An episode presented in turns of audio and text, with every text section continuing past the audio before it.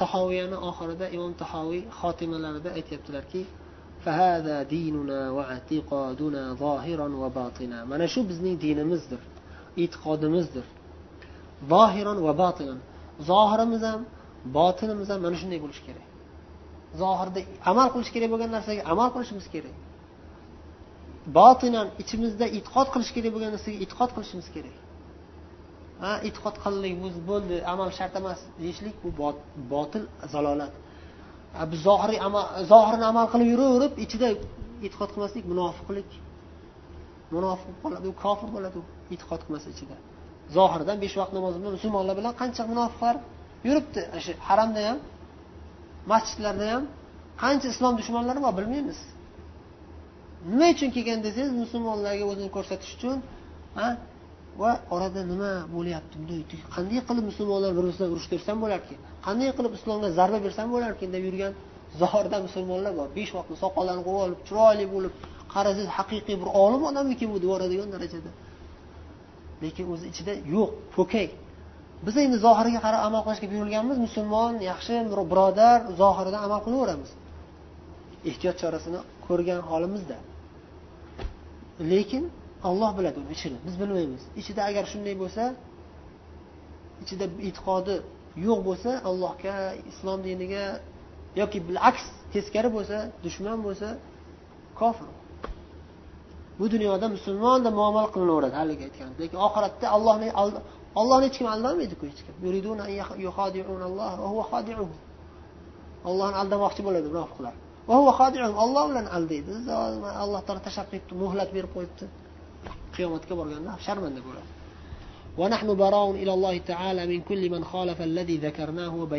biz mana shu biz zikr qilayotgan narsalarimizdan e'tiqod masalalari tahoviya aqidasi deb mashhur bo'lgan mana shu kitobda aytyaptilar. Mana shu kitobda zikr qilib o'tgan narsalarimizga bayon qilib o'tgan narsalarimizga qarshi chiqqanlardan biz ollohga qochamiz ollohga bog'lanib u odamlardan biz uzoq bo'lamiz. Bunday kimsalardan biz uzoqmiz. Ya'ni e'tiqodda bizga qarshi bo'lganlardan biz bezormiz ulardan uzoqmiz. Ahli sunna va jamoa e'tiqodidamiz kim ahli sunna va jamoa e'tiqodiga qarshi bo'lsa biz ularga qarshimiz. Biz ulardan uzoqmiz. Allohdan duo iltijo qilib qolamizki bizni iymonda sobit qadam qilsin. Nafaqat. Mana shu iymon bilan bizni alloh taolo tugatsin. Xotimamizni shunday qilsin.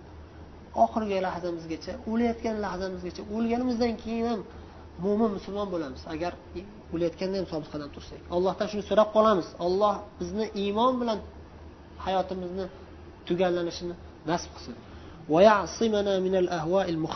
Har xil ahvolardan ya'ni havoi nafsga ketib qolgan adashgan toifalardan bizni qutqarishini himoya qilishini yasim himoya qilish saqlash.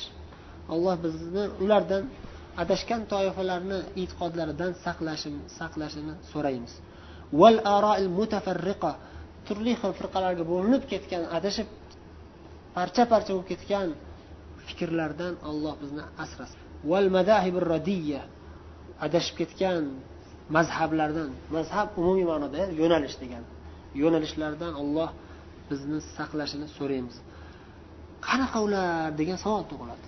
Adashgan toifalar deyapsiz adashgan mazhablar deyapsiz bo'linib bo'linib firqa firqa bo'lib ketgan fikrlar deyapsiz. Qanaqa fikrlar degan savol bo'lishi mumkin? Bu gap buni javobi juda uzun.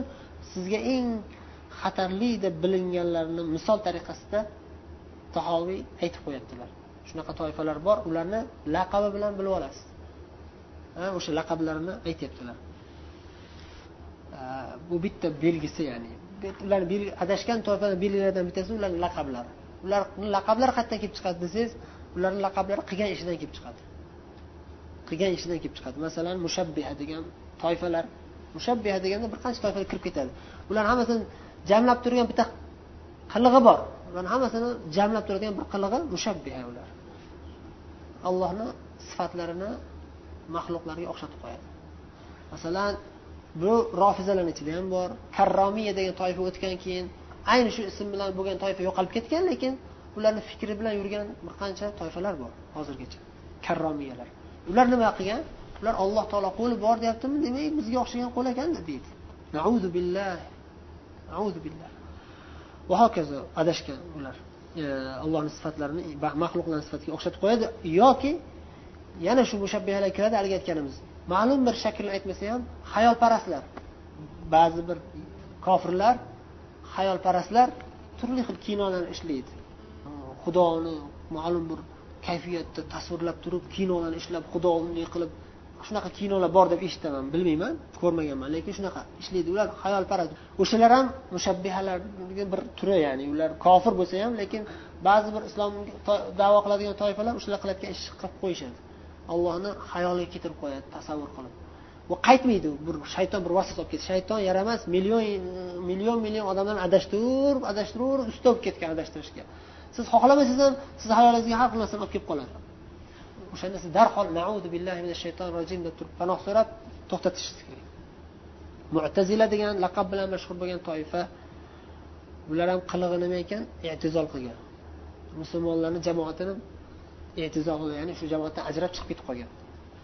Bularni beshta rukuni bor. E'tiqodini rukuni beshta. Mo'tazilalar haqida ularga raddiya berilgan kitoblarda o'qiladi. Keyin inshaalloh sekin sekin rivojlansak shu shu narsalarni o'rganib ularga raddiya berish o'rni ham keladi. Lekin xulosasi mo'tazilalar adashgan toifa ularni eng qattiq adashgan masalalardan ikkitasi birinchisi ollohni sifatlarini inkor qilishligi ism sifatlarini inkor qiladi. Ikkinchisi qadar masalasini qadariya bo'lib ketgan bular. Qadariy kor qiladi uchinchisi ham bor uni ham aytib qo'ysak zarar qilmaydi. Musulmon odamni bitta gunoh qilib qo'ysa dindan chiqib ketdi deydi. Havorijlardan farqi shuki havorijlar kofir bo'ldi deydi. Darhol kofirga chiqaradi. Bular yangi bidat paydo qilib chiqqan. Baynal manzilatayn deydi. Manzilatayn nima? Bir manzila islom desak ikkinchi manzila kufr desak kofirlik desak o'rtasida deydi. U yoqda ham emas bu yoqda ham emas. Bunaqa toifa yo'q mo'taziladan boshqa. Bular o'zicha tun chiqargan yo'q narsa bu. Yo'q narsa bo'lganligi uchun ham qiyomatga borgandan keyin nima qilasiz birodar? Bu odamlar hukmi nima deysiz? Qiyomatda do'zax jannat bor. Boshqa nima bor? Desa endi do'zax ketadida deydi. Nima qiladi deydi? Jannatga kirolmagandan keyin. Havorijlar bilan birlashib qoladi yana baribir. Chunki yo musulmon bo'lishi kerak yo kofir bo'lishi kerak? Bir odam. Bular kofir bo'lmadi bu deydi. Musulmonlikdan chiqib ketdi deydi. E birodar qayerqa boradi bu hozir shu holatda o'lib qolsa. Jannatga desak musulmon emas do'zaxga desak kofir emas deyapsizlar. Bu qanaqa bidat bo'ldi bu? Desak baribir do'zaxga tushadi biz bu dunyoda kofir deyishga taqvo qilib turamiz e, taqvo qilsangiz musulmon deb turavering val jahmiya jahmiyalar. Jahmiyalar ham eng katta adashgan nuqtasi shuki jahm ibn sofmonga nisbat beriladi. Bu shunaqa bir yaramas odam o'tgan shu jahm degan oti. Islomda eng katta bid'atni olib chiqqanlardan bittasi shu jahl safon eng katta bid'at qalbimda iymon bo'lsa bo'ldi deydi. Tanish hatto iymon. Ma'rifatulloh. Ollohni tanib qolsang bo'ldi deydi. San musulmonsan baribir musulmonsan. Kim? Xohlasa kim xohlasa qalbingda xudoni taniyman bo'ldi desang bo'ldi musulmonsan deydi ya'ni shayton ham musulmon. Ularni fikriga binoan shayton ham musulmon fir'avn ham musulmon abu lahab ham musulmon. Bu eng katta adashgan fikrlardan bittasi yana bittasi allohni sifatlarini ham bular ham butunlay inkor qilib tashlagan toifa. Yana boshqa adashgan masalalar ko'p. Val jabriya hozir aytganimiz. Qadar majbur hamma majburan musulmon bo'ladi musulmonlar kofirlar majburan kofir bo'ladi. Deydi bu ham aqlga to'g'ri kelmaydigan shariatgaku undan oldin to'g'ri kelmaydigan e'tiqod botil e'tiqod. Qadariya bularni ziddi buni ham aytyaptilar. Qadariyalar qadarni inkor qilgan toifalar. Minhum va min va g'ayrihi va boshqa yana bir qancha adashgan toifalar bor. Shularni hammasidan panoh so'rayaptilarki biza mana shu toifalardan panoh so'raymiz. Olloh bizni saqlasin. Nimaga? Chunki bular qur'on hadisga qarshi bular. Tili bilan aytmasa ham amali qarshi. Amali zid. Shak shubhasiz chunki qur'ondagi son sanoqsiz oyat karimalarni ochiqdan ochiq rad qilib turadi. E? Qanday musulmonman deb davo qilasan deb yuborasiz siz alloh taolo ochiqdan ochiq aytib turibdi. Qanday san musulmonman deb davo qilasan deysiz hatto adashganligingiz quyoshdan ham ravshan. Quyosh borku shuni ertalab peshinda shunday chiqsangiz quyoshga qarasangiz ko'zlaringizni oqizib yuboradi.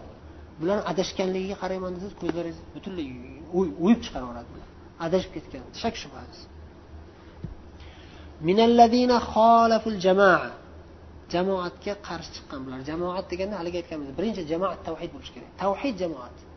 Birinchi o'rinda allohni yagonaligi ikkinchi o'rinda jamoatil muslimin deymiz. Musulmonlar tavhidga bog'lanadi. Islom keyin musulmonlarda islom musulmonlar deymiz. Tavhid va tavhid ahli bo'ladi. Jamoat birinchi o'rinda tavhid. Kim tavhid ustida bo'lsa o'sha jamoat ustida turibdi. Birinchi o'rinda. Keyin jamoatni takomillashtirish masalasiga kelganda keyin kelamiz poydevori tavhid deymiz keyin arkonlari tomlari va hokazo. Zalolatga do'stlik qilgan ular. Zalolatga o'rtoq bo'lganlardan bo'lgan adashgan toifalardan panoh so'raymiz deyaptilar biz ulardan uzoqmiz. Biz ulardan hali sunna va jamoa ulardan uzoqmiz. Nimaga? Ular qur'onga qarshi hadisga qarshi. Va islom jamoatiga qarshi. Musulmonlar jamoatiga qarshi. Musulmonlar jamoatini eng zarur nuqtalaridan biri ijmaul umma. Ummat islom ummati bir narsaga ijmo qilib ittifoq qilsa unga qarshi chiqish harom. Alloh taolo qur'oni karimda nima dedi? ومن يشاقق الرسول من بعد ما تبين له الهدى ويتبع غير سبيل المؤمنين نوله ما تولى ونصله جهنم وساءت مصيرا niso surasida kimki rasululloh sollallohu alayhi vasallamga qarshi chiqsa unga hidoyat ochiq ravshan bo'lgandan keyin nafaqat shu mo'minlarni yo'lidan boshqa yo'lga ketsa ya'ni mo'minlarni yo'li ya'ni jamoat musulmon mo'minlar jamoatini yo'lidan chiqib ketsa bu ham demak zalolat. Alloh taolo uni qaq ketsa ketaversin jahannamga kirgizamiz. Yondiramiz. Ana shu adashgan toifalar qadariya jamiya va boshqa qur'oni sunnatga ochiq oydin qarshi chiqqanlar o'sha ochiq oydin teskari ish tutganlar bizning nazdimizda bizning e'tiqodimizda bullar ular adashgan. Toifalar. Va ardiya rada rada ya'ni past adashishlik bu ya'ni adashgan toifalar.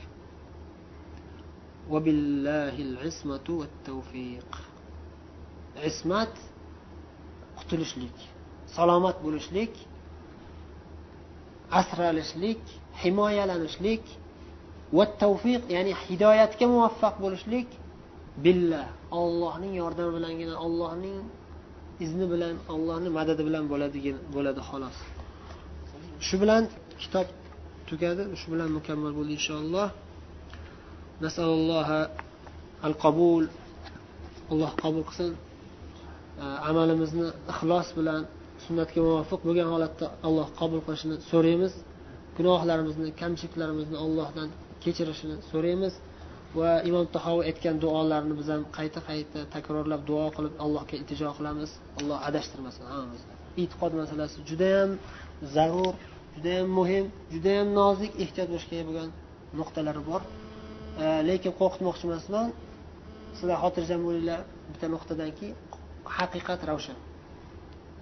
Ikkita shart bilan hech qachon adashmaysizlar. Hech qachon adashmaymiz inshaalloh. Ikkita shartga amal qilishimiz kerak. Ham bo'lsa ixlos birinchi o'rinda turadi. Ixlos birinchi o'rinda turadi. Ya'ni niyatimiz xolis alloh uchun bo'lishi kerak. Doim har bir ishda har bir so'zda har bir harakatda allohga iltijo qilib turishimiz kerak. Ba'zi bir o'rinlarda tilimiz bilan aytishga imkoniyat bo'lmasa ham qalbimiz bog'lanib turishi kerak.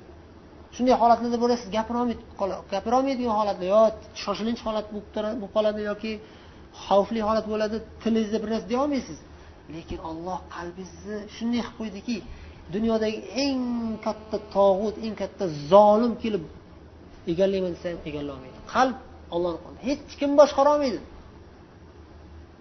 Har qancha harakat qilsin. Eng katta kuch quvvatlari bo'lsin. Million million askarlar bilan bostirib kelsin. Qalbingizga hech narsa qilolmaydi agar siz allohga iltijo qilsangiz ixlos bo'lsa sizda hech narsa qilolmaydi. Qo'rqmang ixlos bo'lsa ikkinchisi talabul haq haqiqat talab qilishingiz kerak. Haqiqat o'zidan o'zi kelib qolishini kutib o'tirmaysiz. Kelib qolishi mumkin olloh marhamati bo'lib o'tirgan joyingizda kimdir hozir so'ramaysiz ham bir yaxshilik qilib qolishi mumkin sizga. Lekin siz uzrli bo'lmaysiz ma'zur bo'lmaysiz agar kelmasa. Siz adashib ketib qolsangiz o'zi aslida o'tiraveradigan odamlar adashib ketadi o'zi aslida. Lekin o'shalar o'tirgan joyida ham sal bo'lsa umid bo'lishi mumkinda ya'ni qani endi haqiqat kelib qolsa manga deb o'sha kelib qolsa kirib ketadi. Bo'lmasam o'tiraveradi. Lekin bu judayam zaif niyatda bu judayam zaif harakat judayam zaif. Bunga uzr yo'q. Uzri yo'q buni ollohni oldida. Harakat qilgan odamgina uzrli bo'ladi. Haqiqatga ixlos bo'lib harakat bo'lishi kerak. Shu ikkita shart bormi? Bizda agar shu narsa bo'lsa hech qachon adashmaymiz hech qachon adashmaymiz va hattoki ba'zi bir nuqtalarda xato qilib qo'ysak ham ma'zur bo'lamiz uzrli bo'lamiz. Harakat bo'lgan bo'lsa. Shuning uchun biza o'tgan darslarimizda aytgan bo'lsam kerak ba'zi bir ashariylarni yoki ba'zi moturidiylarni fikrini biz ochiqchasiga moturidiya xato deyapmiz. Adashilgan bu fikr zalolat deymiz shaxsga kelganda biz unaqa deyolmaymiz tarixda shunday ulamolar o'tgan ashariy bo'lgan e'tiqodi. Moturidiy bo'lgan e'tiqodi. Ammo ularda harakat bo'lgan. Ixlos ham bo'lgan bo'lsa kerak ixlossiz biz hukm chiqara olmaymiz nimaga? Chunki qalbda bu narsani ollohdan boshqa hech kim bilmaydi. Yuz foiz. Qat'iy hech kim ayta olmaydi. Illo agar ochiq guvohlik kelsa abu bakr yoki umar yoki sahobalarga guvohlik berdilar rasululloh bularni jannatiy deb qalbi xolisligiga ammo ulardan keyin kelgan hech kimga biz ayta olmaymiz guvohlik bera olmaymizki misol uchun imom abu mansur moturidiy qalbi xolis bo'lgan. Abu mansur moturidiy qalbiga biz hech qachon guvohlik bera olmaymiz. Lekin zohiriga qarasak harakat qilgan ilm olgan ilm tarqatishga va ilm haqiqatda ilmga harakat bo'lgan deymiz. Shunga binoan ya'ni kitobi sunnat o'rganaman deb harakat qilsa kimdir lekin e, ustozlari yoki jamiyat ta'siri bo'lib xato ketib qoldi ashariy bo'lib qoldi yoki maturidiy bo'lib qoldi bu odam adashgan deyilmaydi. Bu fikr adash xato adashilgan fikr deyiladi. Fikrga hukm chiqaramiz nimaga? Ya shak shubhasiz aytamiz buni nimaga? Chunki qur'on oydin qur'on hadislar ochiq oydin haqiqat ko'rsatib turibdi. Qur'onni hech kim inkor qilolmaydi. Birinchisi ikkinchi o'rinda ijmo bo'lgan ittifoq bo'lgan salaf solihlarimiz sahobalar tobeinlar xayrul qurun ittifoq bo'lgan.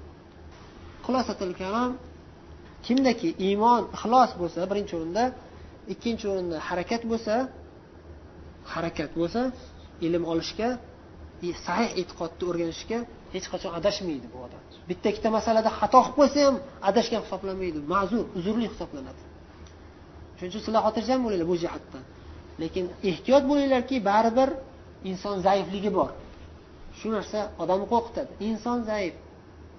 Hatto ya'ni payg'ambarimiz jannatiy deb bashorat berilgan sahobalarga qarang. Abu bakr umar nima deyishardi? Qo'rqib turishardi doim man munofiq emasmikinman man? Adashib qolmasmikinman ertaga? E, inson har qancha aql zakovat kuchli bo'lsa ham bugun niyati xolis bo'lib turgan bo'lsa ham ertaga bir narsa bo'lib qolishi mumkin bilmaydi. Olloh asrasin. Shuning uchun rasululloh sollallohu alayhi vasallam hadisda nima dedilar? Ba'zi bir odamlar yetmish yil sakson yildir xudo bilan umrini oxirigacha dedilar oxiri o'lishidan ozgina oldin adashib ketib qoladi. Do'zaxga bir qarich qolganda nima bo'ladi dedilar? Hidoyat topdi jannatga ketib qoladi dedilar. Ba'zilar bo'ladi adashib ketib qoldi do'zaxga ketib qoladi dedilar shu narsadan qo'rqmaymizmi biz? Qo'rqishimiz kerak. Inson zaifligidan qo'rqamiz. O'zimiz zaifligimizdan qo'rqamiz. Lekin haqiqat ko'rinmay qolishi mumkin degan narsadan qo'rqmanglar haqiqat quyoshdan ham ravshan. Biz haqiqatga yetishimiz uchun o'sha ikkita shartga amal qilishimiz kerak. Ixlos va harakat. Alloh gunohlarimizni kechirsin. Subhanakallohumma bihamdika nashhadu an la ilaha illa anta nastag'firuka va natubu ilayk. Assalomu alaykum va rahmatullohi va barakatuh.